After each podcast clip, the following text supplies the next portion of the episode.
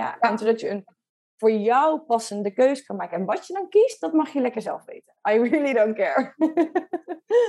maar zolang je maar alle informatie krijgt, want die krijgen we vaak gewoon niet. Welkom bij de Isabelle Veteris podcast. De podcast voor mensen die al heel veel weten over persoonlijke ontwikkeling, maar even power nodig hebben om in actie te komen. Ik ben psycholoog en in de topsport een van de sterkste vrouwen ter wereld geworden. En samen met experts leer ik je binnen een uur hoe je stopt met uitstellen en met een topsportmentaliteit in actie komt.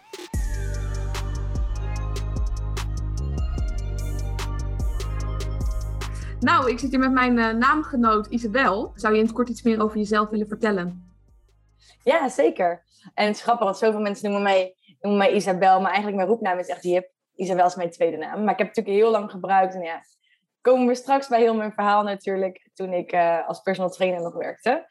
Ja, mijn naam is uh, Jip, Jip Isabel op Instagram. Ik ben 29 jaar, werk momenteel als hormoonconsulente en feminine energy mentor. En sinds tien maanden woon ik ook heerlijk in Portugal. Ja, heel gaaf. nu lekker, ja, waar ik nu lekker vanuit, uh, ja, vanuit werk en veel meer kan genieten van het buiten zijn, de zon en de natuur. Ja, en verder, voor als je me niet kent, ja, ik werk al heel lang als, in, als uh, Instagram influencer. Ik heb een hele journey afgelegd van hashtag fitgirl tot aan uh, nou ja, waar ik nu eigenlijk sta uh, met mijn eigen praktijk. Waar ik heel erg geloof in het bekrachtigen van vrouwen. Dus dat is eigenlijk wat ik doe. Ja, en je zei inderdaad, ik kom van hashtag fitgirl. Ik heb ook een periode gehad toen ik de sportschool ontdekte dat ik dacht, ja, dat wil ik. Ik wil een sixpack. Ik wil misschien ook op het podium gaan staan had zelf niet, nou, ik wil niet zozeer zeggen de discipline om dat te doen, maar ik kom vanuit een eetstoornis, dus vond dat behoorlijk triggerend om te gaan doen. Jij hebt dat wel gedaan. Uh, hoe was je daarbij gekomen? Nou, eigenlijk kwam ik toen ik 21 was uit een heel erg toxische relatie met een man waarvan ik wel kan zeggen dat hij narcistisch was. En eigenlijk in heel die relatie was mijn zelfvertrouwen zo naar beneden gehaald. En hij was iemand die heel vaak vertelde dat ik te dik en te lelijk was en bla bla. En op die leeftijd was ik daar nog heel erg door beïnvloed. Uh, of beïnvloedbaar voor. Dat was geen goed Nederlands, maar je begrijpt me. en eigenlijk ben ik door hem de sportschool ingegaan. Omdat ik, nou ja, ik voelde me eigenlijk heel erg onwaardig. En ik wilde eigenlijk gewoon mezelf mooi en fijn in mijn lijf voelen. En ik wilde ook dat de buitenwereld me mooi dus eigenlijk ben ik om die reden, dus helemaal niet om een gezondheidsreden maar puur uiterlijk, ben ik de sportschool ingedoken. En toen ben ik in een korte tijd 15 kilo kwijtgeraakt. En ik kreeg daar zoveel vragen over van vriendinnen, want die ook wat kilootjes kwijt wilden. Van ja, hoe eet je dan? Wat doe je nu qua sporten? Wat train je dan? Want we willen ook wel de sportschool ingaan, maar ja, geen idee wat te doen. Dat ik op een gegeven moment dacht, weet je wat, ik ga dit op, op mijn Instagram zetten als een soort van dagboek. Want dan hoef ik niet elke keer hetzelfde verhaaltje te vertellen en elke keer weer dezelfde, of, of trainingen door te sturen of recepten door te sturen. Want dan kun je alles daar gewoon vinden. En dat was echt nog, toen ik 21, dat is acht jaar geleden, in het tijdperk dat Instagram net een soort van nieuw om de hoek kwam kijken. Dus dingen als influencers bestonden nog niet. En dat werd ehm, heel erg goed ontvangen door heel veel mensen. En in één keer gingen heel veel andere vrouwen me volgen. En ja, hoe meer ik in dat fitnesswereldje terecht kwam, hoe vaker ik mijn doelen ging aanpassen. Want ik zag in één keer, hé, hey, mijn lichaam verandert. Als ik dit en dit, doe, dan kan ik dit tweaken. Als ik dit en dit doe, dan krijg ik meer dit. Oh, misschien kan ik meer billen creëren. En uiteindelijk, nou ja, je kent het zelf misschien wel, als je in de fitnesswereld terechtkomt, dan kom je in een soort van bubbel. Waar je ook in één keer in contact, contact komt met mensen die op podium staan, die wedstrijden doen. En ik had best wel een fysiek dat daar heel erg goed voor gemaakt is. Dus toen ik op een gegeven moment twee personal trainers in zee ging om mee te werken ook. In die tijd ben ik ook, als personal trainer gaan werken.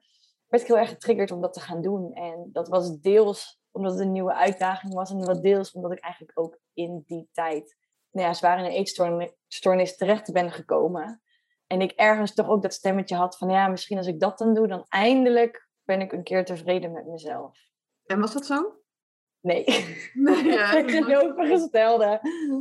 Echt, um, eigenlijk heeft wel dat, dat hele deel in mijn fitnessjourney. Dus ik denk dat dit, dit kun je tillen over zo'n twee à drie, ja, een drie jaar, denk ik. Van mijn 21ste tot mijn 24ste. Na 2,5 jaar had ik die wedstrijd gedaan, twee wedstrijden gedaan. En daarna kwam ik in zo'n dal terecht, want mijn lichaam, hormonaal, stopte heel mijn lichaam ermee. Die dacht echt, nou ja, wat je ons 2,5 à 3 jaar hebt aangedaan qua diëten en nou ja, veel te veel trainen, heel veel stress op het lichaam. Mijn schildklier en alles stopte ermee. Dus er kwam heel veel aan in één keer in een hele korte tijd. In vier weken tijd kwam ik 14 kilo aan na, die wedstrijd, na mijn laatste wedstrijd. Terwijl ik niet eens gekke dingen at. Gewoon wel gezond. Maar... Nee, je bent gewoon helemaal fucked up. Mijn hele lichaam was gewoon fucked up. Ja, als ik het zo mag zeggen. En dan ging alles vasthouden. Ik dacht alleen maar, oh, je hebt ons drie maanden lang uitgehongerd. We gaan alles wat je nu eet vasthouden. Om ja, te surviven voor het geval dat we weer in zo'n starvingsmodus komen. En, en dat, deed, ja, dat was natuurlijk de, de klap bovenop alles, zeg maar. De kers op de taart voor mijn hele eetstoornis. Want dat trok ik mentaal echt niet. En uiteindelijk, dat heeft me ook doen beseffen van, het is nooit goed. Want toen ik op mijn 9% vet zat, bij mijn tweede wedstrijd, was ik niet tevreden met mezelf. Toen ik 30% vet had, was ik niet tevreden met mezelf. Toen ik 20% vet had, daartussen was ik niet tevreden. Het was nooit goed. Nee. Dus uiteindelijk heeft dat me wel doen inzien dat zelfs al had ik maar 9% en was ik op mijn dunste ooit, waar ik totaal niet voor gemaakt gemaakt voor ben. Niemand, denk ik. Was niemand. Was het nog steeds niet goed genoeg. En was ik nog steeds niet blij met mezelf. Vond ik mezelf nog steeds niet mooi. Dus uiteindelijk besefte ik daardoor wel dat het waarschijnlijk een mentaal spelletje was. En dat het helemaal niks met mijn uiterlijk te maken had. En ik denk dat ik toen ik me dat besefte, ik bijna ja, 23, bijna 24 was. En toen ben ik heel erg in, in persoonlijke ontwikkeling gaan duiken. En van oké, dan moeten we iets met zelfliefde, wat nog echt zo'n super vaag begrip voor me was. Maar ik dacht, nou, daar moeten we dus iets mee gaan doen. Ja. Wat ben je toen gaan doen? De wereld van persoonlijke ontwikkeling is heel divers. Ben je boeken gaan lezen? Ben je podcasten gaan luisteren? Ben je coachingstrajecten gaan volgen? Ik ben eerst uh, boeken gaan lezen. En het boek waar het eigenlijk mee is begonnen, mijn hele soort van persoonlijke ontwikkeling en spirituele reis is begonnen met het boek um, De Alchemist van Paulo Coelho, als ik het goed zeg mijn broer was heel erg in, into persoonlijke ontwikkeling. Dus heel veel met hem praten erover. En uiteindelijk kwam ik ergens het boek Verslaafd aan Liefde tegen van Jan ah, Geurt. En dat is voor heel veel vrouwen, voor heel veel mensen, en niet alleen vrouwen, heel veel mensen wel een soort van eye-opener. En dat was denk ik het eerste boek waarbij ik echt ging duiken in het stukje zelfliefde. En hoe vertaalt zich dat ook naar de relaties die ik heb en, en waar ben ik eigenlijk naar op zoek heel erg qua bevestiging of qua liefde. Qua... Dus ik, daar is het echt begonnen. En toen ben ik gewoon heel erg veel gaan lezen erover. En uiteindelijk een jaar later, dat was in de tijd dat ik ermee begon, maar ik wilde nog niet erkennen aan mezelf dat ik een eetstoornis had. Dus ik zat op dat punt van ik wil iets veranderen, maar ja, er zat eigenlijk nog zo'n blokkade, zo'n blok voor gewoon, nou ja, hoe ver kun je gaan als er zo'n eetstoornis onder zit. Precies. Dus ik kwam op een gegeven moment ook gewoon niet meer verder. En toen ben ik een coach voor gespecialiseerd in eetstoornissen gaan zoeken. En die heb ik gevonden en kreeg iemand toegewezen. En met haar ben ik, uh, het een hele goede vriendin van mij nu ook, Lianne Blacchiere. En met haar ben ik uh, traject ingedoken en, uh, om alles te gaan uncoveren wat er onder mijn eetstoornis zat. En ik denk dat dat de allergrootste... Ja, je begint natuurlijk met wat boeken lezen en je gaat wel reflecteren en nadenken en schrijven. Dat, is waar het mee begon voor mij.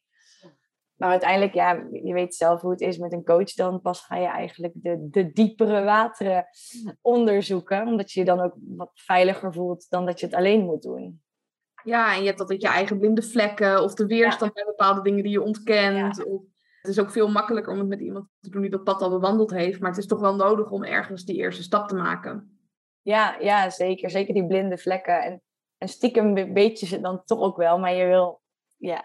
Je wil je ego beschermen van nee, dat zo erg is het niet. En je wil soms dat iemand jou de vragen stelt die, jezelf, die je niet aan jezelf durft te stellen. Je weet eigenlijk dat je ze moet stellen aan jezelf, maar je doet het niet. Want je denkt, nou laat, voor daar nog, laat die pleister daar nog maar even bovenop zitten. die gaan we nog niet, die gaan we nog niet eraf trekken. Ja, precies, precies. En toen na dat coachtraject, wat had uh, dat voor jou veranderd?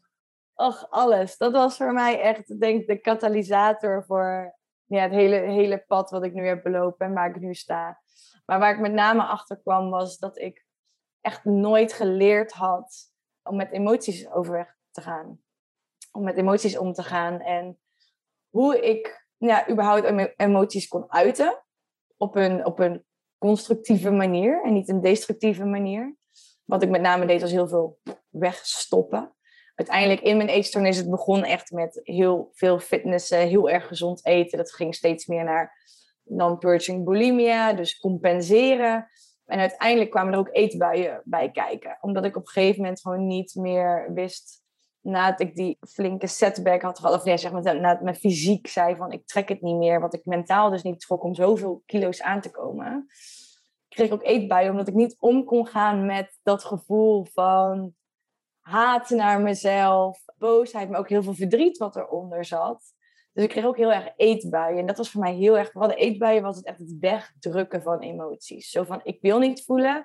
Ik weet niet hoe ik moet voelen. Ik weet niet, als ik voel, hoe ik daarmee om moet gaan. Hoe ik zeg maar, op een veilige manier door mijn emoties kan bewegen. Dus ik ging maar gewoon eten en eten en eten en eten om dat weg te duwen. En het, het, het andere stukje daarin, dus, dus het compenseren en het super gezond, alles willen tracken en het, en het fitnessen. En dat, dat zat heel erg onder het stukje heel veel moeite met controle loslaten. Ik wilde ergens controle over hebben in mijn leven. En voor mij was het heel makkelijk om dat in fitness en voeding te doen. Omdat ik een HBO-opleiding in sportdeskundige uh, heb. Nou ja, diploma daarin heb. Dus voor mij was sport en voeding heel makkelijk, omdat daar had ik heel veel kennis over om daar dan maar controle in te vinden. Hè, hoeveel calorieën ja. eet je, uren train je, Precies. Eh, wat, zijn je, je, wat is je gewicht op de weegschaal? Ja, dus voor mij was het heel makkelijk om dan te zeggen, oké, ik weet heel veel van het lichaam, ik weet hoe het lichaam werkt, fitness, oké, dan ga ik fitness daarbij pakken, want als ik dan dit en dit en dit, was voor mij heel makkelijk om daar die wereld in te duiken. En, omdat, het zo, omdat het zo meetbaar is, voelt dat als controle. Dus nadat ik eigenlijk uit die toxische relatie kwam, waarin ik voelde alsof heel mijn wereld onder mijn voet uit was getrokken, en ik juist totaal geen controle had, want hij had alle controle over mij ook in, in, in die situatie. Was dat voor mij een soort van katalysator om in iets te duiken waar ik wel heel veel controle voor mijn gevoel over had. Dus het waren echt twee dingen die heel erg naar voren kwamen. Met punt één, niet kunnen omgaan met emoties. En punt twee, het heel erg het controle willen behouden om me maar een soort van, soort van veilig te voelen in een ja, nogal chaotische wereld. Ja. Dus dat waren wel de twee grootste dingen die eruit kwamen. En natuurlijk kwam er ook nog heel veel, heel veel van die dingen. Dit is dan weer helemaal terug te halen naar ja, mijn ouders en mijn opvoeding. En, en wat is ons geleerd uh, over, over liefde. En ik heb ook een heel erg sterk gevoel dat ik liefde moet verdienen. Op een bepaalde manier dat ik moet presteren om het te verdienen. Dus dat zijn gewoon heel veel geloofsovertuigingen die ja, daar helemaal onderaan, dat tipje van die er helemaal onderaan zo ja, die moesten allemaal gaan afbreken. zijn en daar moest ik, daar moest ik naartoe gaan bewegen. En, en het blijft een ongoing proces. Ik bedoel, uh, je weet hoe het met persoonlijke ontwikkeling werkt. Elke keer als je er weer klaar voor bent, dan kun je een laagje verder. En dan vervolgens dan denk je, nou, dit hebben we gehad. En dan komt er weer iets en dan kun je weer een laagje dieper. En dan denk je, nou, maar die geloofsovertuigingen, daar ben ik toch al zes keer bij geweest. En toch kom je weer terug op zo'n hardnekkige... Leuk blijft het spel, hè? Ja, ja. ja, ik weet nog wel, toen ik ook met een coach zelf aan de slag ging, na een half jaar dacht ik, wow, ik voel me nu zo fantastisch. Volgens mij heb ik echt het maximale eruit gehaald. Ik heb het leven bijna uitgespeeld. Leven uitgespeeld. Pas. dan begin, ja, dan begint het pas. Omdat je eigenlijk pas die eerste lagen hebt gepakt. En je hebt echt het idee, en dat dacht ik ook van, nou, ik heb mezelf geheeld. Niks kan me weer van mijn stuk brengen dat je dan in weer een nieuwe relatie of iets komt en er worden hele andere stukken weer aangeraakt. Of juist weer spiegels voorgehouden. Of, of, of bepaalde herinneringen slash triggers komen naar voren. Dus het, is een, het, blijft, een, het blijft een spel, ja. ja. En eerst deelde je heel veel over fitness. Uiteindelijk ben je juist meer over je eigen journey gaan delen. Over zelfliefde, over juist die vrouwelijke energie. Ik ben heel erg benieuwd, de mensen die deze podcast luisteren hebben vaak ook wel moeite met het omgaan met emoties we leren vaak dat huilen zwak is. Je mag je boosheid niet laten zien, want straks gaan mensen bij je weg. Welke dingen zou je de luisteraar van de podcast nu alvast mee kunnen geven op het gebied van emoties die bijvoorbeeld voor jou heel goed hebben gewerkt of waarvan je ziet dat mensen daar heel veel baat bij hebben? Nou, wat ik zelf heel erg zie, ook met mijn eigen cliënten, want ik eh, ben natuurlijk zelf ook coach um, nu op het gebied Feminine Energy Mentor maar is eigenlijk een tool voor persoonlijke ontwikkeling. Dus ja, ik kijk al deze stukken met mijn cliënten aan. En wat ik vooral zie en wat ik zelf ook vooral heel erg altijd nodig heb, nog steeds. Want we hebben nog steeds allemaal emoties. Ik bedoel, als we geheeld zijn, betekent niet dat we ineens emotieloos zijn. Maar wat mij wat vooral helpt, is het echt aankijken van de emotie en de tijd ervoor nemen. En als je dat, dat net iets nieuws is waar je net mee begint, dan is het heel fijn om dat met iemand te doen, zoals een coach.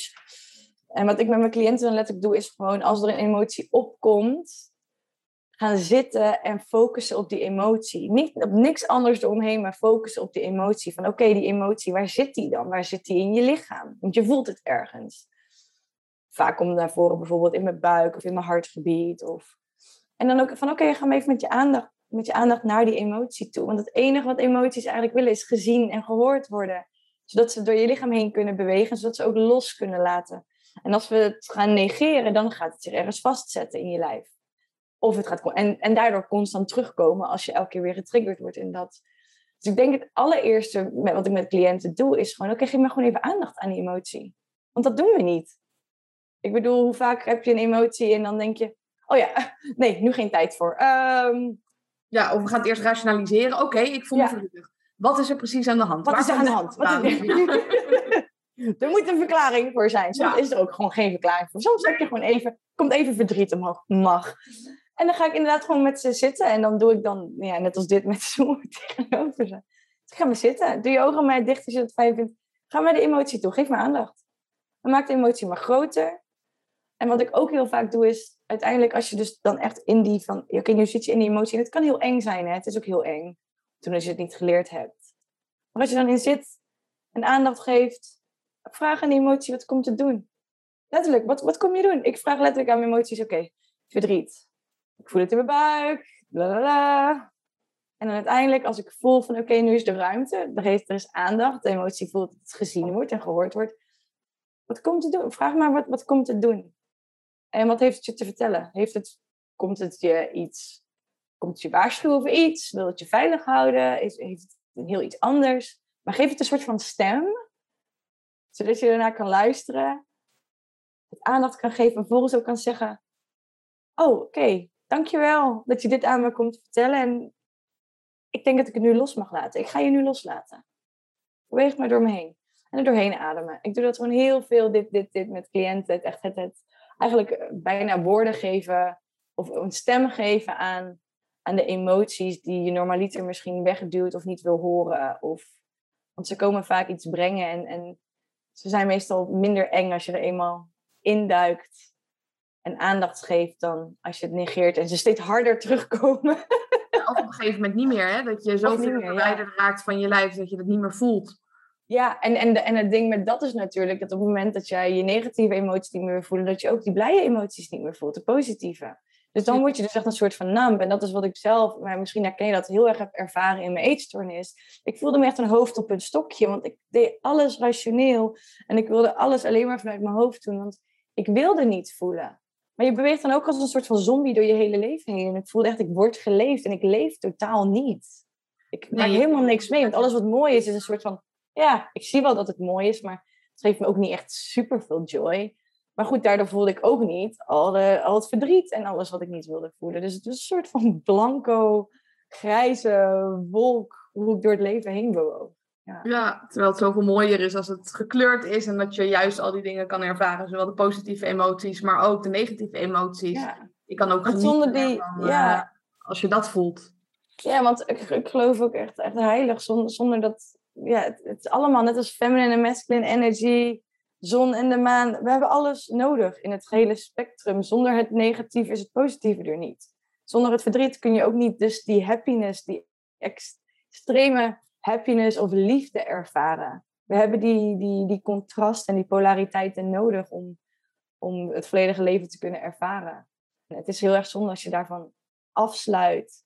Ehm, wat logisch is, want vaak is het gewoon een heel systeem wat jou veilig probeert te houden. Dat is het enige wat, wat ons lijf en ons brein wil. Ons veilig houden en overleven. En soms is dat een heel mechanisme wat we van jongs af aan ons hebben aangeleerd en wat ons toen misschien diende, maar wat op latere leeftijd misschien gewoon eigenlijk totaal niet meer dient en juist alleen maar in de weg zit. Maar het heeft wel een functie. Dus ik ben mijn eetstoornis ook super dankbaar, want het heeft mij in die periode had ik het schijnbaar nodig om die controle op dat moment te hebben en om ehm, op die manier door het leven te bewegen, zodat ik niet overweldigd zou raken of zodat ik ja, in ieder geval nog een soort van sane bleef op dat moment.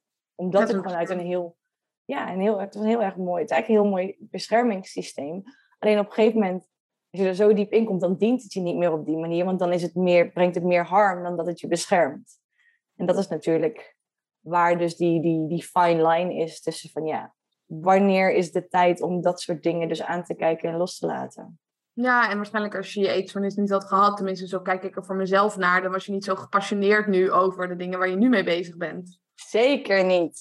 Of dan was er wel iets heel anders heftigs gebeurd in mijn leven om mij wakker te schudden uh, met hetzelfde. Dus ik, ja, ik weet niet of dat beter zou zijn ja, geweest. Dan was ik uh, drugsverslaafd of gokverslaafd. Dan, uh, ja, je weet, je weet het gewoon niet. Dus aan, aan de andere kant ben ik alleen maar dankbaar dat ik er allemaal zo goed uit ben gekomen. En, um, en ik, geloof, ik geloof echt heilig dat dingen gebeuren met een reden. En um, ik ben gewoon niet eerder wakker geschud. Dus er moest gewoon iets radicaals gebeuren om om mij hier te brengen waar ik nu ben. En dat geloof ik ook wel. Dus uh, daar niet gelaten dat dingen die gebeuren soms ook gewoon niet oké zijn. Zoals hoe mijn ex me bijvoorbeeld heeft behandeld, et cetera. Maar aan de andere kant kan ik nu ook wel zeggen van... Nou ja, ik ben wel dankbaar voor die periode. Want ja, je weet niet wat het je anders had gebracht. Het leven heeft zoveel, zoveel nou ja, wentelingen en dingen. En dan zou er wel iets anders zijn gebeurd om, om mij wakker te schudden of whatever, ja. Ja, precies. En we hadden net het al over emoties, wat je kan belemmeren om ja, volledig eh, te zijn wie je bent in je vrouwelijke energie. Welke andere dingen zie jij dat uh, belemmerend werken daarin, dat mensen dus uh, ja, volledig zichzelf kunnen zijn? Bedoel je hiermee volledig in hun zeg maar, essentie? Dus als ik bijvoorbeeld nu naar vrouwen ga kijken, meer in, in, in, in hun vrouwelijkheid uh, ja, te staan. Ik zie zelf uh, dat veel vrouwen niet in hun vrouwelijke energie zitten en mannen zitten niet in hun mannelijke energie. Deels komt dat denk ik ook omdat we dus die emoties onderdrukken, maar ik denk dat er nog veel meer redenen zijn. Maar ik ben heel benieuwd welke dingen jij ziet. Heb je even? Ja, zeker. um, zou ik gewoon eentje zeggen? Maatschappij. ja. um, ja, wat ik gewoon heel erg veel zie, is dat er zoveel druk op bepaalde rollen wordt gelegd en hoe we ons moeten gedragen, dat, dat daardoor vrouwen zich afsluiten van hun essentie. En mannen, mannen ondertussen, oh ja, ondertussen ook. Um, de mannen waarvan we zien dat ze bijvoorbeeld niet in hun masculiniteit zitten, maar vooral in hun, hun feminine energie, dat komt heel vaak doordat de, ja, eigenlijk het is altijd heel moeilijk om helemaal, helemaal uit te... Want het heeft, geschiedenis heeft er ook echt mee te maken. Maar bijvoorbeeld, ik ga, ik ga dit voorbeeld geven. En dit is, voorbeeld is niet... Um, heel veel feministen vinden het niet prettig als ik dit benoem. Maar met de feministische opstand, dus laten we zeggen vrouwen die voor zichzelf gingen gaan staan, um, is er heel erg veel force gebruikt. En dat was ook nodig, want vrouwen werden niet gehoord. Dus wij hebben heel erg in onze masculiniteit moeten tappen om nou ja, die straten op te gaan, ons stem te laten horen. Zo van, oké, ja, als jullie niet naar ons luisteren, als we um, ons kleiner houden, omdat er gewoon geen ruimte is voor onze stem, dan moeten we eigenlijk ons, ons hetzelfde gaan gedragen als de mannen om gehoord te worden. En dat hebben we heel erg nodig gehad. En dat is echt een super goede. Ik ben helemaal niet tegen die beweging. Het is helemaal pro, die hele beweging. Alleen het gevaar hiermee is, is geweest, is dat ons daardoor is bevestigd dat we alleen gehoord worden als we ons gedragen als mannen. En dat wij alleen succesvol kunnen worden als we ons gedragen als mannen. En dat wij alleen hoge functies kunnen bekleden als we ons gedragen als mannen. Dus we zijn blijven hangen in dat stukje masculine, fiery energy die wij op dat moment nodig hebben gehad omdat deze maatschappij nog niet klaar is en de mannen nog niet de ruimte hadden om op een andere manier naar vrouwen te kijken. Dus als vrouw zijnde, als je je wilde laten gelden, dan moest je dus in die viers, laten we even, laten we even heel even de, de girl boss energy staan. En, en je mannetje letterlijk staan. Het gevaar daarmee is als je daar te lang in blijft hangen, dat je jouw eigen vrouwelijke essentie dus gaat onderdrukken. Want je ziet haar als minderwaardig. Je ziet haar als niet krachtig. Je ziet haar als, oké, nee, kijk, haar kan ik dus niet gebruiken. Want dan word ik dus niet succesvol, dan word ik niet gehoord en dan word ik niet serieus genomen. En... Dus in de maatschappij is een soort van woef, change gekomen waarbij vrouwen eindelijk nou ja, een soort van als gelijkwaardig werden gezien. Maar eigenlijk helemaal niet, want ze worden alleen gelijkwaardig gezien als we ons mannen gedragen. Dus het is heel erg interessant om te zien wat er dus eigenlijk is gebeurd. Dus we strijden heel erg voor gelijkheid, maar alsnog worden wij als vrouw zijnde in onze sensualiteit, in onze emoties, in onze overgave, in onze flowy energie, worden wij niet geaccepteerd. Dus gender-based, ja, gender werd dan een stukje van, oké, het is nu een stukje meer gelijk. Ondanks dat er nog steeds, we hebben nog steeds de weight gap en de orgasm gap, whatever, wat voor gaps we allemaal hebben. Maar dat is natuurlijk al heel erg flink verbeterd. Het enige wat, wat we dus nu zien, is dat heel veel vrouwen dus niet meer verbonden zijn met dat stukje vrouwelijkheid. Want dat, dat, dat had geen, hoe moet ik zeggen, er was geen ruimte voor.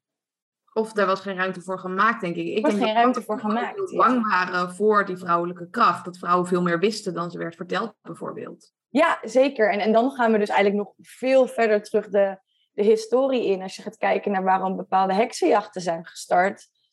Vrouwen waren altijd aan het gatheren. En, en vrouwelijke energie is echt een energie Mannelijke energie is echt een individuele energie en vrouwelijke energie is echt een energie van samenkomen. En we zijn samen ontzettend krachtig en we hebben heel veel wijsheid. En dat komt omdat wij dus ook verbonden zijn met de cycli met de natuur. Een, een verbinding die de mannen ook hebben, maar op een andere manier. En waarbij dus heel veel vrouwen vroeger ook... Eh, vroeger waren er heel veel matriar... Uh, hoe zeg je dat? Matriar... Ik zeg dat in het Engels. Um, matriarchies. Um, hoe zeg je het in het Nederlands? Geen idee. Je hebt het patriarchaat en het matriarchaat, ik denk matriarchaat, waarbij heel veel vrouwen eigenlijk de leiders waren in stammen. En de medicijnvrouwen waren. En eigenlijk de wat hogere topfuncties bekleden binnen in een stam, omdat zij gezien werden als de letterlijke, de belichaming van moeder aarde. Dus zij werden ook gezien als de leiders die de juiste keuzes kunnen maken, want zij nemen de hele community mee in hun beslissingen. Zij kunnen ze hebben dat moederlijke advies in zich, het moederlijke archetype. Dus zij kunnen zien wat een, een stam nodig heeft. Zo werden vrouwen gezien vroeger. En de mannen werden gezien als de beschermers, de fysieke sterke mannen. En zij beschermen de stam. Dus die waren heel belangrijk. Want je moet je familie beschermen. Maar dat is dus helemaal omgedraaid. Dus op een gegeven moment ergens is er een soort van glitch in, in, de, in de centuries gekomen, waarbij een aantal mannen besloten, ja, maar wij willen het zeggenschap hebben. En dat is heel erg met de, met de opkomst van de kerk gekomen. Wat zij daarvoor moesten doen, en dat wisten zij allemaal, is juist vrouwen uit elkaar gaan halen, omdat zij zo'n sterke samen, zo'n sterk, sterk front zijn samen. Die in verbinding zijn met de natuur, met de helende krachten van de natuur, die alle wijsheid van die natuur dus ook hebben. Die moeten we uit elkaar gaan halen, want als we die bij elkaar houden, kunnen we, dan kunnen we niks overnemen. Dus wat ze zijn gaan doen in, in, in heel dat stukje geschiedenis, is vrouwen uit elkaar gaan halen. Hoe kun je vrouwen uit elkaar gaan halen? Door nou ja, dingen te bedenken waardoor ze elkaar kunnen gaan verlinken, waardoor ze elkaar gaan wantrouwen, waardoor ze jaloers worden. Dus er zijn heel veel dingen geïmplementeerd in dat. Op een gegeven moment kwamen er een soort van wetten met, ja, als je als vrouw zijnde planten gaat gebruiken om ziektes te gaan helen, dat is magie, dat bestaat niet. Dus langzaam is het natuurlijk niet van de een op de andere dag. En niet van de een op de andere dag gelooft iedereen dat. Maar het is zo langzaam ingedoctrineerd. Uh, met bepaalde wetten, met bepaalde dingen. Mensen gaan, andere mannen gaan vertellen van... Dat is magie. Vrou vrouwen die, die helende krachten hebben. Of met de natuur werken. Dat is van de duivel. Bla, bla. Dus op die manier mensen tegen elkaar gaan zetten. Zodat vrouwen elkaar ook gaan verlinken. Daar prijzen tegen aan gaan houden. Oh, we hebben weinig geld thuis maar als ik iemand verlink en zeg dat zij een heks is, dan krijg ik geld. Dan krijg ik goud of dan krijg ik whatever. Kan ik voor mijn gezin zorgen. Dus vrouwen gaan andere vrouwen verlinken om voor hun eigen gezin te gaan zorgen. Dus er zijn heel veel dingen die daarin. Ja, hier, kun je, hier zijn natuurlijk boeken over. Precies, ik kan helemaal induiken. Wat ik vooral interessant vind, dus wat we vandaag nog in de huidige maatschappij daar ook van terugzien. Dat ik ook vaak heel veel uh, jaloezie zie. Waar komt dat dan vandaan? Is dat ook juist vanuit die angst? Ja, ik geloof heel erg dat er heel erg collectief trauma is. collectief trauma is natuurlijk een soort van trauma wat is overgedragen de generaties naar generaties. Um, over het collectief, is over iedereen.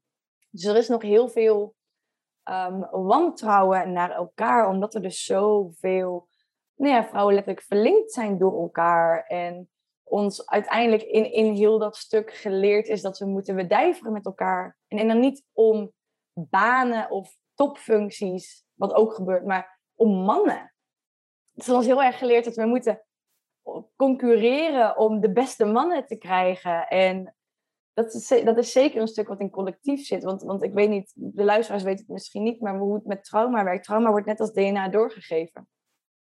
En het interessante daarin is, is omdat vroeger, nou, als we helemaal terug naar de oertijd, we niet met elkaar konden communiceren zoals we nu praten, verbaal.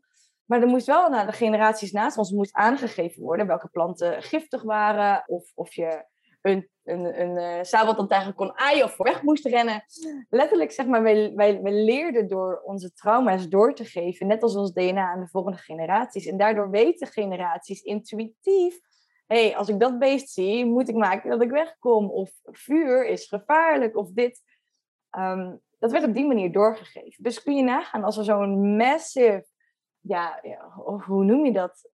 Die heksenjacht, zoveel vrouwen vermoord zijn in, in zo'n korte tijd. Dat is echt een massive trauma voor het collectief. En dat wordt door zoveel generaties doorgegeven. Dat, dat ook heel veel angst voor heel veel vrouwen is om hun echt hun hun, hun stem te gebruiken, hun waarheid te spreken. Want vroeger, als je dan je waarheid in die tijd sprak, als jouw waarheid was, ik geloof in de magie van de natuur, in de verbinding met de natuur, et cetera, werd je letterlijk op de brandstapel gegooid. Dus zoveel vrouwen voelen ook dat ze, dus het zoveel angst om hun waarheid bijvoorbeeld te spreken, om hun gevoelens uit te spreken, om te zeggen, hé, hey, daar ben ik het niet mee eens. Omdat er zo'n gevoel van, ik heb dit ik heb het heel, ik heb nog steeds heel erg. Ik heb echt soms het gevoel als ik iemand moet tegenspreken in confrontatie, ik heb het gevoel dat ik doodga.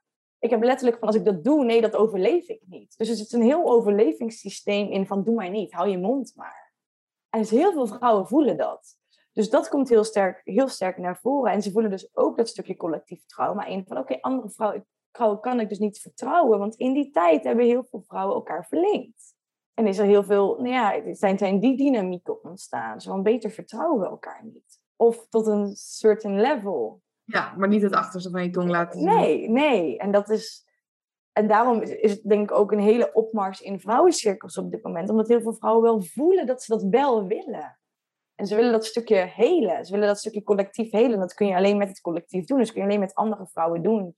Dus ik geloof ook echt oprecht dat om, om die reden zoveel behoefte in één keer aan vrouwencirkels is om weer te verbinden met vrouwen. Weer te verbinden met dat stukje natuur van ons. En dat stukje historie van ons, om dat te helen voor de volgende generaties. En ook om gewoon weer in, die, in dat stukje vrouwelijkheid te komen, wat we jarenlang, jaren, jaren, jaren, jaren hebben onderdrukt. Ja, en je noemt een vrouwencirkel. Voor de luisteraars die niet weten wat dat is, eh, wat is het? Hoe gaat het? Vrouwencirkels zijn eigenlijk letterlijk het in een cirkel zitten met andere vrouwen, als ik het heel letterlijk moet zeggen tegenwoordig wordt er heel veel georganiseerd. Soms doe je dat in ceremonies, dan doe je een soort van volle maan ceremonie. En eigenlijk een, een cirkel waarin je kan sharen met elkaar. Het verschilt heel erg per persoon hoe iemand het organiseert. Je kan dit gewoon met vriendinnen doen. Je kan zeggen, we hebben een avondje, we doen een vrouwencirkel, we gaan in een cirkel zitten. En iedereen krijgt de tijd om even te delen wat je op je lever hebt. Even te, te venten zonder dat iemand interact met dat, maar alleen maar ontvangt en luistert.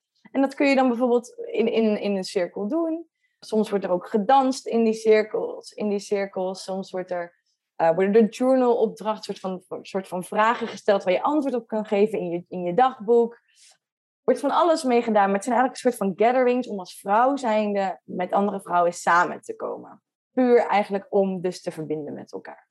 Ja. En wat daar gewoon heel erg gebeurt, is dat er gewoon heel veel geheeld wordt. Ook als je dat onbewust doet. Als je dit onbewust doet zonder dat je denkt, we gaan dingen helen vandaag. Juist gewoon het samenkomen van vrouwen is, is iets heel erg, heel erg bijzonders en iets heel erg waar de laatste jaren veel behoefte, veel behoefte aan is. En bij mannen werkt het dezelfde kant op? Ja, zeker. Ja. Ja, ik hoor nou ook steeds mannen, ja. mannencirkels, maar dan niet op basis van carrière, maar ga maar eens gewoon met je vrienden in de bossen in kamperen, fikkie stoken, dat soort dingen ja, doen. Ja. Ja, en ik heb uh, een van mijn beste vrienden in Nederland, die organiseert ook in Amsterdam mannencirkels. Um, The Gathering of Men. En zij doen daar ook echt hele toffe dingen. Dus zij komen wel echt samen in een hele mooie locatie. En elk, elke, keer staat het, elke keer staat de cirkel in een ander thema. Dan hebben ze weer een keer, keer een thema, um, sta in je kracht als man zijn. En dan hebben ze weer een thema, misschien juist zelfliefde. Of archetypes of whatever. En daar gaat het ook echt om het delen. Omdat het natuurlijk voor mannen, voor mannen is het natuurlijk ook een heel groot stigma op het delen van je emoties, emoties laten zien. Dus dan als mannen in hun masculiniteit staan, dan is het heel vaak een soort van wounded masculine, omdat ze niet volledig volledig zichzelf durven te zijn. Want er is heel erg geleerd als man zijnde, huil je niet. Als man zijnde laat je niet zien of dat iets met je doet. Boosheid wordt vaak wel geaccepteerd, maar in een bepaalde mate. Dus op dat soort, ja, ook, ook voor mannen is het super belangrijk om daarmee in te tunen. Om echt te duiken van wat gebeurt er in mijzelf en wat speelt er in mijzelf. En hoe kan ik toch tappen in die, in die emoties, wat, wat een klein beetje feminine energy is, maar wat een gezonde dosis feminine energy is. Want die twee moeten bewegen met elkaar. We kunnen niet, als we het over vrouwelijke en mannelijke energie hebben, je kan niet verwachten dat, dat iemand 100% één energie is, omdat we die polariteit ook in onszelf nodig hebben. Dus we hebben dat stukje mannelijke energie nodig. Zoals ik in het begin zei, we hebben die beweging nodig gehad. En dan, juist als we zoiets moeten doen, als we die schouders onder moeten en we moeten even vechten voor onszelf, dan mogen wij, en dan hebben wij ook de, de ruimte om in masculine energy te tappen. Om juist even dat vuur in de strijd te gooien. Dat hebben we nodig om in balans te blijven. Als we alleen maar 100% feminine energy zouden zijn, zijn alleen maar flowen de hele dag. Zouden helemaal niks doen. Nee, nee. We alleen maar in het hier en nu willen zijn. En dan zouden we niet onze eigen businesses opzetten. Dan zouden we niet voor een, een groter goed werken. Dan zouden we niet... Dan gebeurt er helemaal niks. Dan ben je gewoon in het hier en nu. En chillen. En het genieten van het leven. Wat heel belangrijk is. Mindfulness, heel belangrijk. Maar we hebben dus ook de balans met het masculine nodig om, als we zelf doelen willen stellen, om een doel te stellen en erheen te bewegen. Dus het is een heel mooi spel tussen de twee energieën. Het is alleen door de jaren heen zijn we een beetje stak vastgeraakt in bepaalde rollen en in bepaalde ideeën van hoe we de energieën moeten gebruiken. In plaats van dat we het op een natuurlijke manier laten flowen in onszelf. En dat we ook echt in kunnen tappen, ook in die feminine energy. Ja, ik ben benieuwd hoe jij dat ziet. Er is aan de ene kant maatschappelijk een beweging van hè, vrouwen moeten gelijkwaardig zijn en de mannen moeten ook carrière maken. Leven ook vanuit die mannelijke energie. 9 tot 5, noem het maar op. Heeft heel erg in de mannelijke cyclus. Aan de andere kant is er ook een beweging die zegt: nee, vrouwen moeten de man dienen, die moeten gewoon thuis blijven, voor de kinderen zorgen. Eigenlijk wat het een jaar of uh, 30, 40 geleden was. Dat we daar weer terug naar moeten gaan, dat dat onze essentie is. Hoe kijk je daar tegenaan? Ik geloof in een stuk gelijkwaardig. En ik geloof niet in het stuk, we moeten terug naar hoe het was. Want, kijk, dit is, dit is, dit is het hele moeilijke aan deze hele discussie. Want ik, ik, ik begrijp bepaalde dingen in die rollen. Het moederschap bijvoorbeeld, wat echt een typisch natuurlijk feminine energy archetype-achtig iets ook is. Dat begrijp ik. Maar de dynamieken waarin we die voorheen hebben gebruikt, of hoe, hoe dat in ieder geval tot stand kwam in de maatschappij en hoe dat tot uiting kwam, moet ik misschien zeggen tot uiting kwam, was super toxisch. Dus we zouden nooit terug moeten gaan naar hoe dat was, want daar zijn we juist helemaal uitgekomen. En gelijkwaardigheid is echt eentje die bovenaan staat. Ik ben echt een feminist hoor. Ik ben een feminist. Ik, ben, ik geloof duidelijk in, we moeten hetzelfde verdienen als we dezelfde functies hebben. We moeten meer vrouwen aan de top hebben, zodat we meer in het, die balans tussen masculine en feminine in de top juist krijgen. Want het is nu heel veel man daar. Ja, dat en, de vrouwen die aan de top staan, die zitten nog in de mannelijke energie. Heel, en, en dat dus ook. En, en, en, en ik denk dat, dat juist de verschillende visies van ons samen zijn zo bijzonder sterk. Dus ik geloof daar allemaal in. Ik geloof alleen dat het meer op gevoel mag. En dat, en dat juist de kwaliteiten van een vrouw, zoals haar cyclus, mee moeten worden genomen in die gelijkwaardigheid. Want fysiologisch gezien zijn we niet hetzelfde. In het brein zijn we niet hetzelfde. In ons fysiek zijn we niet hetzelfde. En ik denk dat dat wel meegenomen mag worden. En dat daar meer acceptatie voor mag komen. Want zoals je zei, de, die, die mannelijke cycli, waar nu alles op gebaseerd is. Fitness is gebaseerd op de mannelijke cycli. Onze, werk, onze werkplekken zijn gebaseerd op, onze, op de 24 uur testosteroncyclus van de man. Het is niet gebouwd voor ons. Wij zijn erin gerold, omdat uiteindelijk een soort van... De mannen zeiden van, oh, nu zoveel ophef, oké, oké, jullie, mogen, jullie mogen ook op de werkvloer komen. Maar we zijn in een mannenwereld gerold die gebaseerd is op een mannencyclus. En er is nooit meer gekeken naar van, maar een vrouw zit fysiologisch anders in elkaar en wij kunnen niet hetzelfde werken en wij kunnen niet op dezelfde manier pieken zoals mannen dat kunnen doen. Voor mannen is hun testosteron ochtends hoog en s avonds laag. S ochtends staan zij fit op. Even, als we het even over, als je een gezonde balans hebt als man zijn, als je gezond bent. Hm, staan fit op, gaan naar werk. Nou ja, de meeste meetings zijn in de ochtend gepland, want dan is iedereen lekker scherp en uh, want die testosteron is nog hoog. En gedurende de dag daalt die testosteron tot een uur of vijf, zes en dan is die laag en dan gaat iedereen naar huis. En ze hebben elke dag hetzelfde riedeltje. Dus elke dag zijn ze ochtends meer fris, meer geconcentreerd, meer focus. Dus daar bouw je je hele dag omheen. En aan het eind van de dag doe je een beetje de meer, misschien administratieve dingen waar je niet zo heel erg gefocust bij hoeft te zijn. En sluit je je dag af. Maar wij vrouwen hebben dat helemaal niet. Wij hebben niet elke dag hetzelfde energielevel, want wij hebben een cyclus van 28 dagen. Dus je kan niet verwachten dat wij elke dag met diezelfde energie opstaan. Wij hebben weken ertussen, weken ertussen zitten dat onze energielevels laag zijn. Dat we minder focus hebben. We hebben ook weken ertussen zitten dat we juist hop meer energie misschien hebben dan de mannen over de hele dag. Precies. En dat dan juist kunnen inzetten. Dus dat zou echt mee moeten. Willen we echt gelijkwaardig zijn en willen wij echt op eenzelfde soort topniveau kunnen werken, zou dat meegenomen moeten worden op de werkplek. En zouden we eigenlijk ons werk zo moeten kunnen indelen dat op die weken dat we wat minder in die high energie zitten, we meer misschien creatief werk kunnen doen, brainstorm sessies kunnen doen, wat minder intense dingen. En dan juist rondom onze ovulatie, wanneer wij pieken, we alle fucking presentaties draait kanaal. en dat inhaal, in, een beetje een inhaalslag maken voor nou ja, dingen waar de schouders onder moeten, deadlines, et cetera. Als dat meegenomen kan worden op de werkvloer, my god, weet je hoeveel meer je uit vrouwen krijgt. Weet je hoe je dan één keer gaat zien hoe krachtig vrouwen zijn. Nu worden we gewoon een soort van gedropt in iets van, ja, we moeten op deze manier functioneren, maar eigenlijk functioneren we helemaal niet. Pas helemaal niet in dat uh, nee. hokje. Nee. En nou ja, elke vrouw heeft natuurlijk haar eigen cyclus. Vroeger liep dat allemaal gelijk. Nu is dat helemaal uiteenlopend. Denk je dat dat ook weer terug kan komen als we weer daarmee in, in tune komen? In deze maatschappij op dit moment nee. nee. Nee, ik geloof daar helemaal niet in. En dat komt ook omdat we met dingen te maken hebben als 5G en prikkels van laptops, telefoons, hor hormoon-disruptors uh, in al ons eten en ons drinkwater bewijst van als wij volledig terug zouden gaan naar de natuur, dan wel. Als, ik, ik denk misschien dat je het nu wel, waarschijnlijk als je stammen gaat opzoeken die wel nog in, in, in, de, in de bossen, in de oerwouden leven, met een community samen. En op die manier leven van, van de natuur. Ik denk dat zij allemaal met nieuwe maan opgesteld zijn, alle vrouwen. Menstrueren. Maar als je in een stad woont, nee, nee, dat geloof ik echt niet. Nee, nee kunnen niet allemaal terug. Nee, daar ben ik heel stellig in, ja. En dat komt omdat er gewoon... Ik geloof gewoon dat er, dat er meer is. Er is iets als energetisch, emotioneel, et cetera. Maar er is ook gewoon wel iets als... Nou ja, de ontwikkelingen, technologie, et cetera, wat ook meespeelt. Dus er is een... Als we daar een weg in kunnen vinden dat we volledig in tune kunnen zijn met de natuur... Maar ik zou niet weten hoe. Nee, misschien uh, wordt dat nog in de toekomst ontdekt. Je maar misschien zijn we in de toekomst wel gewoon zo ver spiritueel dat we het gewoon voor onszelf kunnen doen. Hè? Dat weet ik ook niet. Nee, precies. Dat we dat zelf kunnen aansturen. Ja. Je noemde al voeding, wat dus je ziektes tegengaat, of in ieder geval je hormonen beïnvloedt, eh, technologie. Welke dingen saboteren er nog meer? Nou ja, natuurlijk stress is het allergrootste. En ik schaal eigenlijk alles onder stress. Dus alle, ook al het fysieke stress, dus alles wat wij eten, waar pesticiden, et cetera, in zitten. Of andere hormoondisruptors.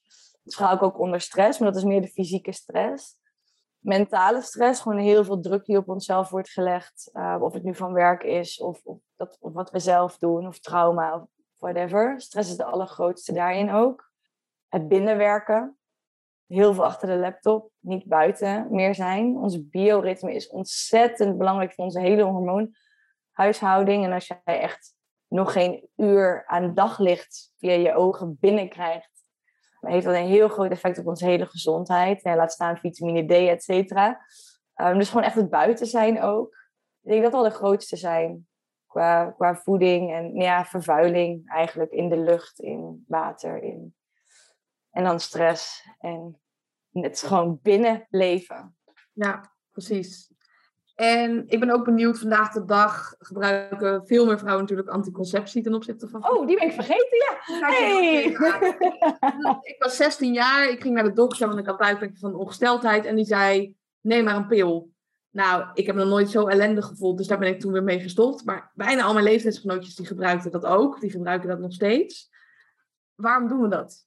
Waarom doen we dat? Nou, één heel groot deel is om mee te kunnen draaien in die mannenbusinesswereld. Want letterlijk voordat de pil er was, waarom heel veel vrouwen niet topfuncties bekleden, was omdat er letterlijk werd verkondigd dat wij één keer per maand hysterisch en onbetrouwbaar waren. En dat doelt dus op onze menstruatie, of de fases, de dagen ervoor.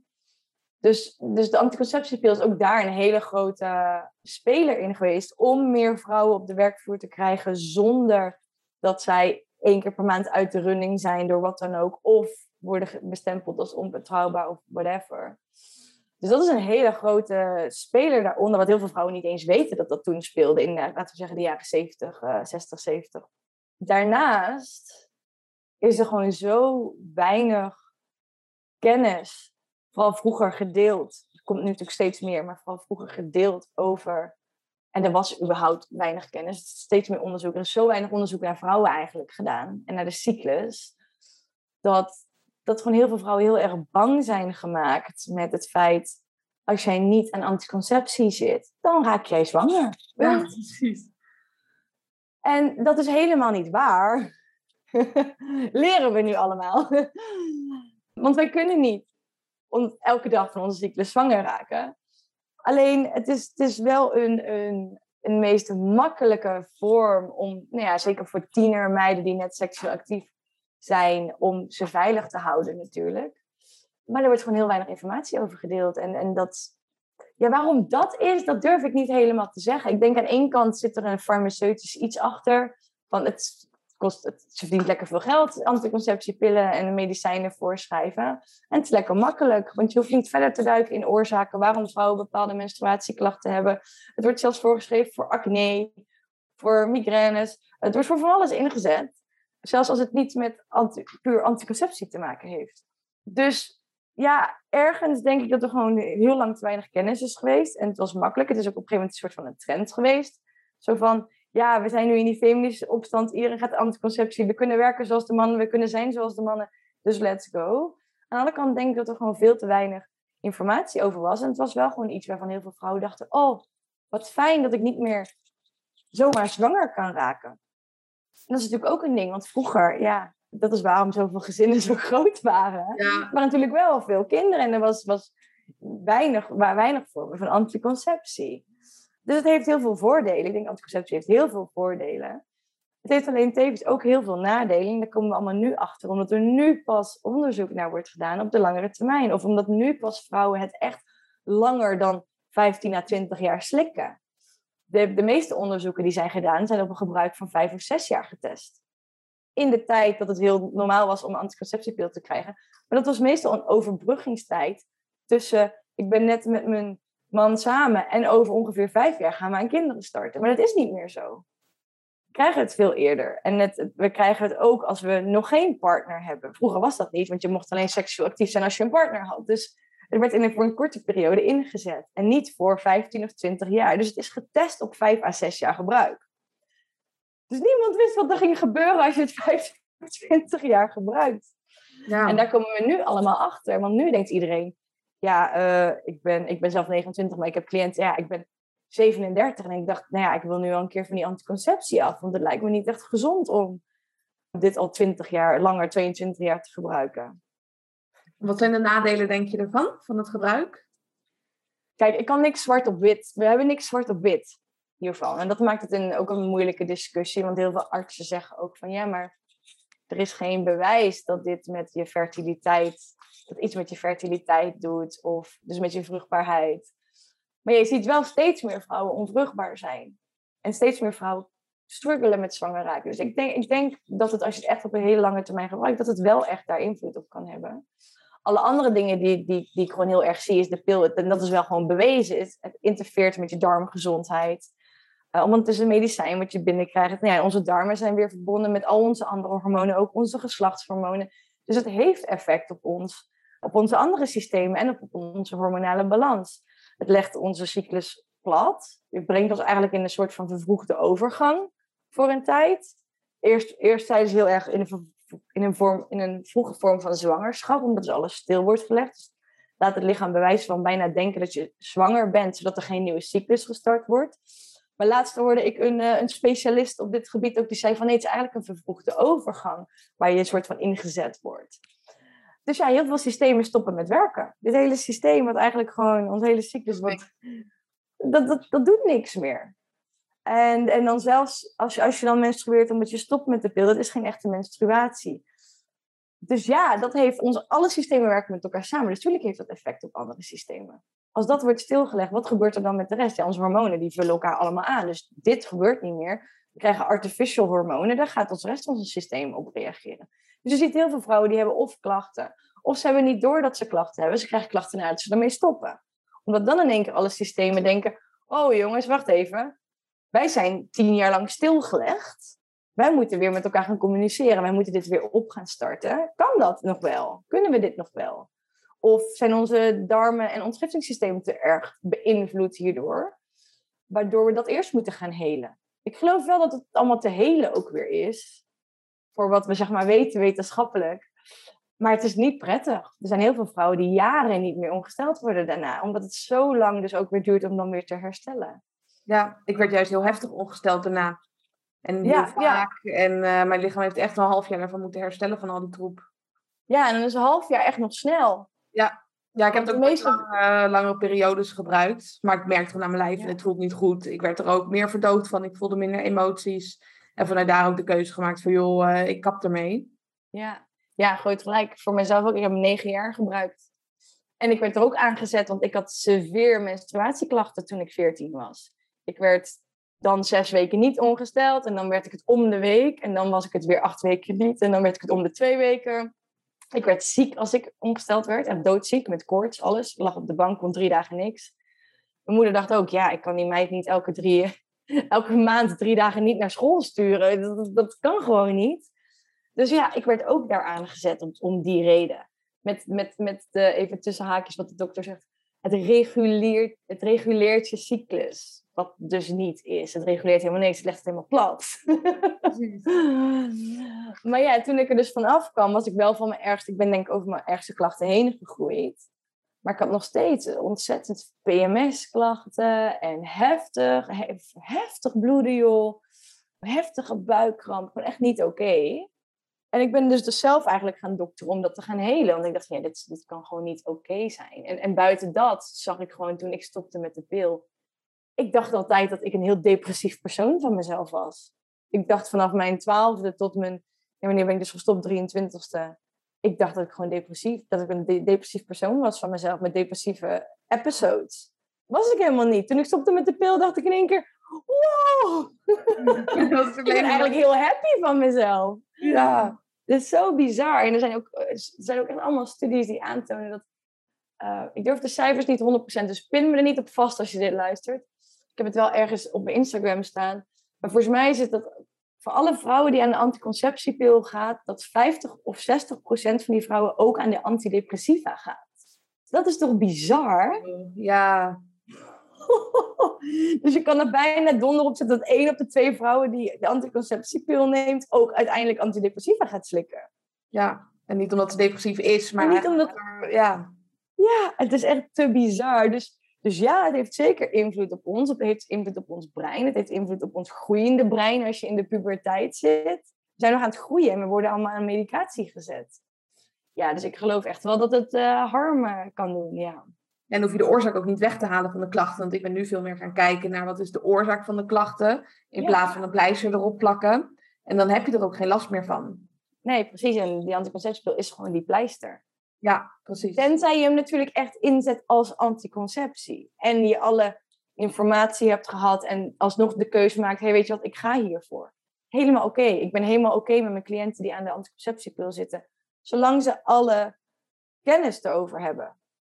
Dus ik geef geregeld ook webinars en, en in mijn online cursus ook. Daar zit een hele masterclass in over anticonceptie. Puur, wat moet je weten? Voor- en nadelen. Wat zijn de cijfers? Welke onderzoeken zitten hierin? En wat zijn je alternatieven? Hè? En wat zijn je alternatieven? Zodat je een keuze kan maken. Ja, en zodat je een voor jou passende keuze kan maken. En wat je dan kiest, dat mag je lekker zelf weten. I really don't care. maar zolang je maar alle informatie krijgt, want die krijgen we vaak gewoon niet. Nee. En het is ook heel goed mogelijk om het zonder te doen. En gewoon aan je lichaam te voelen van in welke periode zit ik van de cyclus. En wanneer uh, moet ik dus eventjes het veilig doen en wanneer niet, of het even niet doen. Helemaal aan uh, de persoon zelf natuurlijk. Maar dat we niet denken dat we elke dag van de maand zwanger kunnen worden. Want heel veel mensen geloven dat. Ja, nee, en dat is, dat is precies wat waarvan ik niet snap waarom we dat niet op de middelbare school leren. Ja. Wanneer vrouwen, de meeste meisjes, en het is nu ook steeds eerder, soms zijn het al basisschoolmeiden die al hun menarche krijgen, hun eerste ongesteldheid. Ja, we moeten, we, moeten onze, we moeten onze meiden informeren hierover, zodat er ook niet zoveel angst omheen zit. Want er zijn zoveel vrouwen, ook voor mijn leven, mijn vriendinnen ook, heel veel die doen net als ik nu op een natuurlijke manier hun anticonceptie bijhouden door, door te tracken en het gewoon veilig te doen op de dagen dat, dat je weet dat je vruchtbaar bent. Maar ik heb ook vriendinnen die vinden dat, die hebben daar zo'n anxiety bij. En zij zitten nu aan de spiraal, omdat ik dat altijd wel vaak, niet altijd voor iedereen, maar aanraad als ze niet meer echt heel veel hormonen binnen, binnen willen krijgen natuurlijk. Maar puur omdat ze zo'n stress ervan krijgen. En dat is zo zonde, maar dat, dat is zo in ons hoofd geprent. Ja. Dat, dat ja, en, en natuurlijk, het, soms, het kan een keer gebeuren, weet je. Ik heb ook een vriendin en die, die, die is toen inderdaad zwanger geraakt. En, en die heeft toen een uh, abortus moeten plegen. Ja, en dan snap ik dat er meer angst achter zit om het uh, op een veilige manier te doen. Of op een uh, veilige, op een natuurlijke manier te doen. Maar het was ook in de periode dat zij net van de pil afkwam. En in een tussenfase zat, dus was ik nog niet echt aan het tracken. Dus ze was er eigenlijk ook nog helemaal niet om dit op een natuurlijke manier te doen. Dus ik, ik denk als je naar een natuurlijke manier moet gaan, dan moet je zelf ook. Ik heb mezelf echt een jaar gegeven om heel comfortabel ermee te worden. En, en buiten dat deed het gewoon altijd met condoom. Puur altijd. Ook al dacht ik van nee, nu kan ik niet zwanger raken. Puur omdat ik tegen mezelf zei, ik ga mezelf een jaar geven. Ik wil al mijn signalen allemaal opschrijven. Ik wil een heel goed beeld krijgen van hoe mijn cyclus in elkaar zit wanneer ik, dus ook met temperatuur meten, et cetera, wanneer is mijn ovulatie geweest. Met ovulatietesten heb ik toen zelfs ook nog gewerkt om te kijken van, ah. oké, kan ik een pinpoint op welke dagen ik ovuleer? En uiteindelijk na een jaar voelde ik me zo comfortabel en het was zo'n mijn natuur geworden om dat te tracken, dat ik het ook, ja, nu gewoon, ik doe het nu al vijf, zeg ik het goed, van mijn drie, 24, vijf jaar, ja, op een natuurlijke manier. En ik heb er nog nooit problemen mee gehad. Ook nu, ik heb geen vaste partner. Ik heb al heel lang geen vaste partner. Ik heb daar geen... Hoe, zeg je dat? Ik wil zeggen, ik, zeggen, ik heb er geen klachten van. Maar dat klinkt ben niet zwanger in ieder geval. Nee, nee, nee. Je kan het goed uh, timen. ik kan het heel goed timen. En ik ben gewoon... Ik ben wel gewoon voorzichtig in de dagen dat ik zie... Hé, hey, ik ga nu richting de vruchtbare dagen. Ja. Dan ga ik niet op een dronken avond iemand mee in mijn huis inslepen en onveilig seks hebben. Nee, ja. Niet heel handig, nee. Niet heel handig. Dan denk ik gewoon van, nou jongens, laten we het maar gewoon even. Sowieso ben ik niet zo van de one maar het kan, het mag, het, al, het mag allemaal, maar dan hou ik dat wel in mijn achterhoofd. Ja, zo van, oeh, dit is niet echt de timing om, zeg maar, zonder na te denken het bed in te duiken met iemand. Maar, dat is wel onze lichamelijke neiging om te gaan doen, toch? Juist bij die ovulaties, dan moet je weer ingaan tegen je natuur. Dat is het enige dingetje. Ja, die is wel lastig soms hoor. Soms dan denk je ook echt, dan moet je brein het winnen van je hormonen. Ja, nou, uh, succes. Zeker als er dan wat wijn in zit. Het is een... Uh... Nee, hey, maar daarvoor zijn condooms. Ik weet niet, maar... Daar het dat echt, als je die urge echt niet kan, te kan tegengaan. Inderdaad. Ja, en je helpt, je helpt hier natuurlijk ook andere vrouwen mee middels je webinars, middels je programma's. En iets waarin wij ook samenwerken is om het uh, via bloedtesten te doen. Ja, ik ben heel benieuwd welke trends jij daarin ziet in de uitslagen van de mensen waar zij tegenaan lopen. Ik heb daar zo mijn eigen theorieën over, maar uh, niet de data om dat te bewijzen.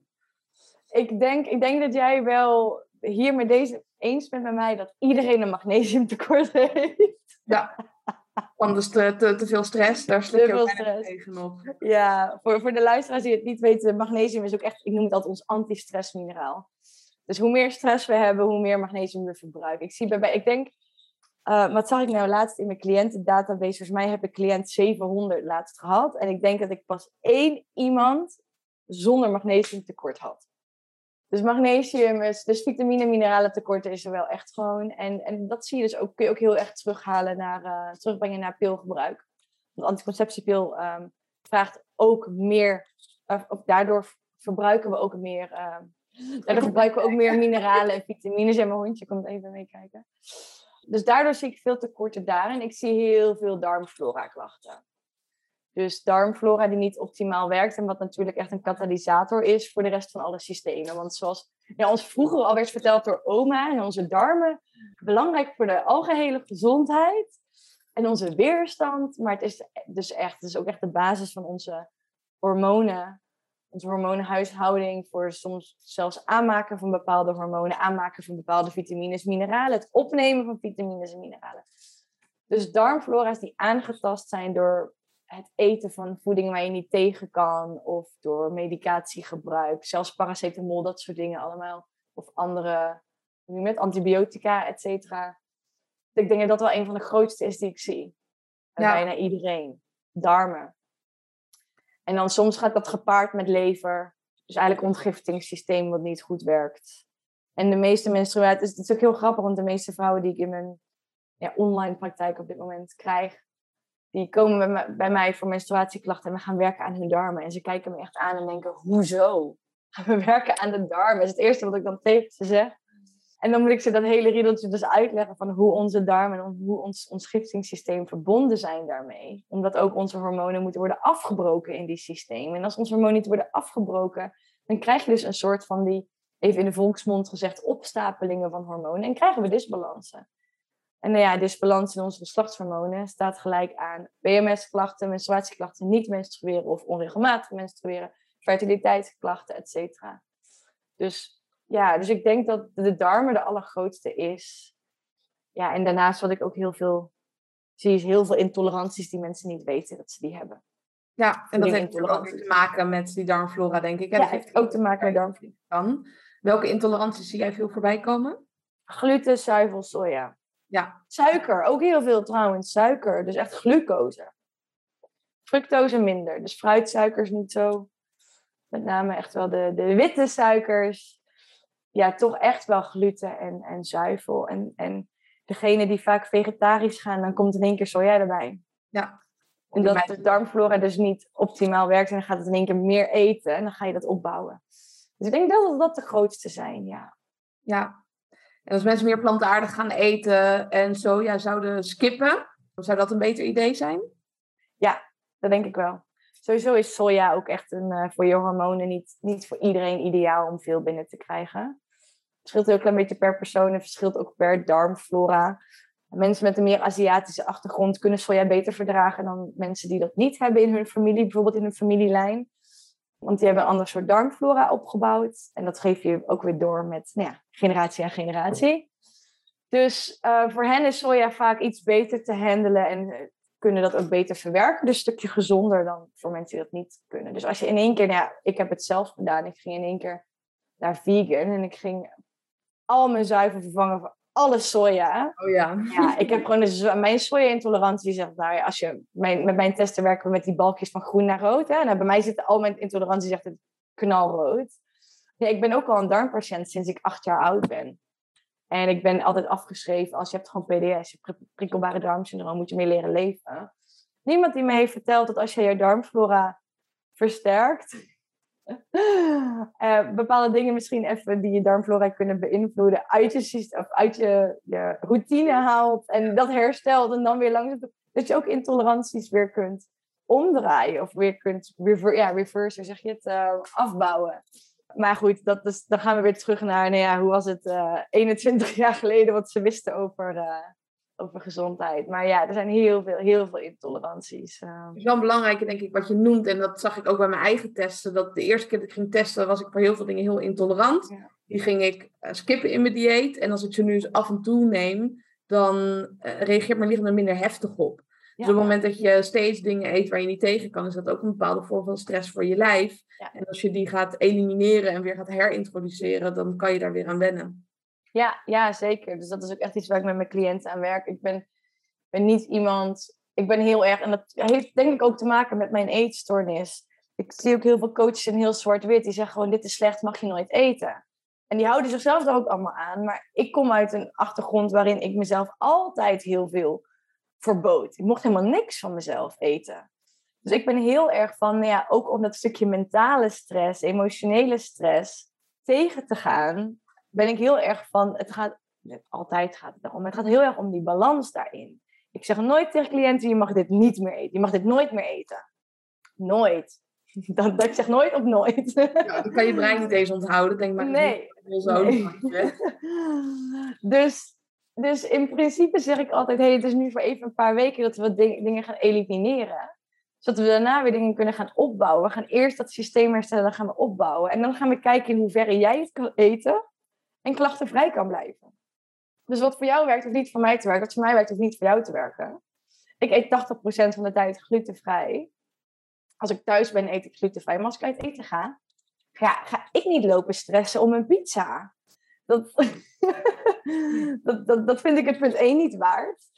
Punt 2, als je je systeem hebt hersteld en intoleranties dus terug kunt draaien, dan kun je dus inderdaad minder heftig op bepaalde dingen reageren. Dus dan is een keer een pizza eten helemaal niet erg. Dan is een keer iets van gluten binnenkrijgen niet erg. Dan is een keer iets van, van zuivel of, of soja binnenkrijgen niet erg. Het gaat om de hoeveelheid dat je het gebruikt. En het enige wat ik mijn cliënten altijd meegeef, is ga niet terug naar de hoeveelheid hoe je het voorheen at. Want je hebt daardoor een intolerantie opgebouwd. En dat wil je niet nog een keer gaan doen. Nee, en als je ook kijkt naar het Nederlandse dieet, eten we twee keer per dag brood minimaal. Ja, logisch dat je dat niet Twee keer per dag alleen al brood. En dan hebben we nog die... Wat kregen we vroeger allemaal? Die, die liga-koeken tussendoor. en dan s'avonds pasta voor het eten.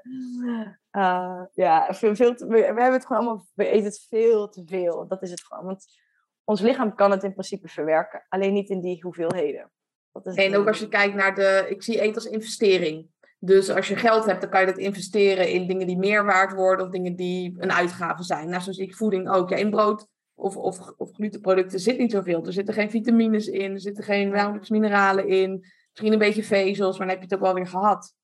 En dan die vezels kun je nog beter gewoon lekker uit kokos halen, want er zit veel meer in. Precies, ja. Of fruit, of groentes, of andere producten. Ja. ja. Dus, dus dus ja, dus dat, maar dat zijn wel inderdaad de trends. De, de, trends klinkt zo grappig, hè? trends als je het zo noemt. dat klinkt heel hip. Van, uh, ja, klinkt heel hip. Dit zijn de trends die we... juist niet doen.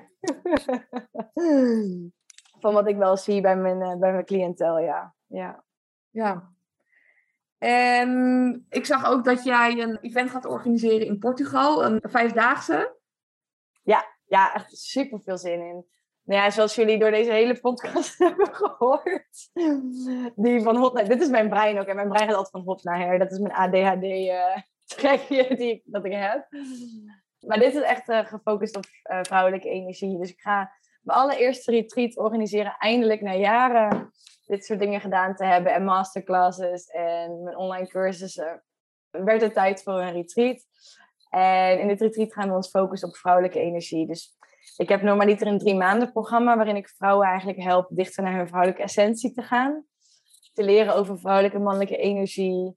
Alle gifts die dat brengt, maar ook echt duiken in nou ja, wat voor wonden brengt dat dus ook. Dus hoe zijn die dynamieken in de maatschappij, maar ook wat heb ik geleerd van mijn vader en moeder, hoe ik me moet gedragen als vrouw zijnde of, of in ieder geval hoe ik me moet gedragen als persoon eigenlijk. Dus we gaan daar heel erg in, in duiken. Dus we duiken in alles vrouwelijke en mannelijke energie om te kijken van hoe kan ik in vijf dagen de eerste stap zetten om dichter bij mijn essentie te komen en dichter gewoon eigenlijk bij, bij mezelf te komen.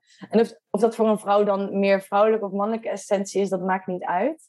Maar we duiken wel in alles vrouwelijk. Dus we gaan ook, we duiken in sensualiteit, seksualiteit, we duiken in de menstruatiecyclus. We gaan ook, ik ben dansleraar ook geweest heel lang. Dus ik ga ook feminine dance geven. We gaan yoga doen nou ja, meditaties, visualisaties om echt ook naar binnen te keren naar ons inner child, ons innerlijke meisje, ons vader- en moederwonden. We duiken in alles vrouwelijk wat daarmee verbonden is. Ehm, op een prachtige locatie in Malaga. Het is een villa van een vriendin van mij. My god. het is zo mooi. En we, hebben infinity pool, een jacuzzi en alles. Het is echt een fantastische locatie. En het is helemaal ingericht voor retreats. Dus alles is gewoon ready. Dus ik ga gewoon lekker mijn programma daar draaien voor vijf dagen. En uh, duiken in vrouwelijke energie met de, de, de dames die mee gaan doen.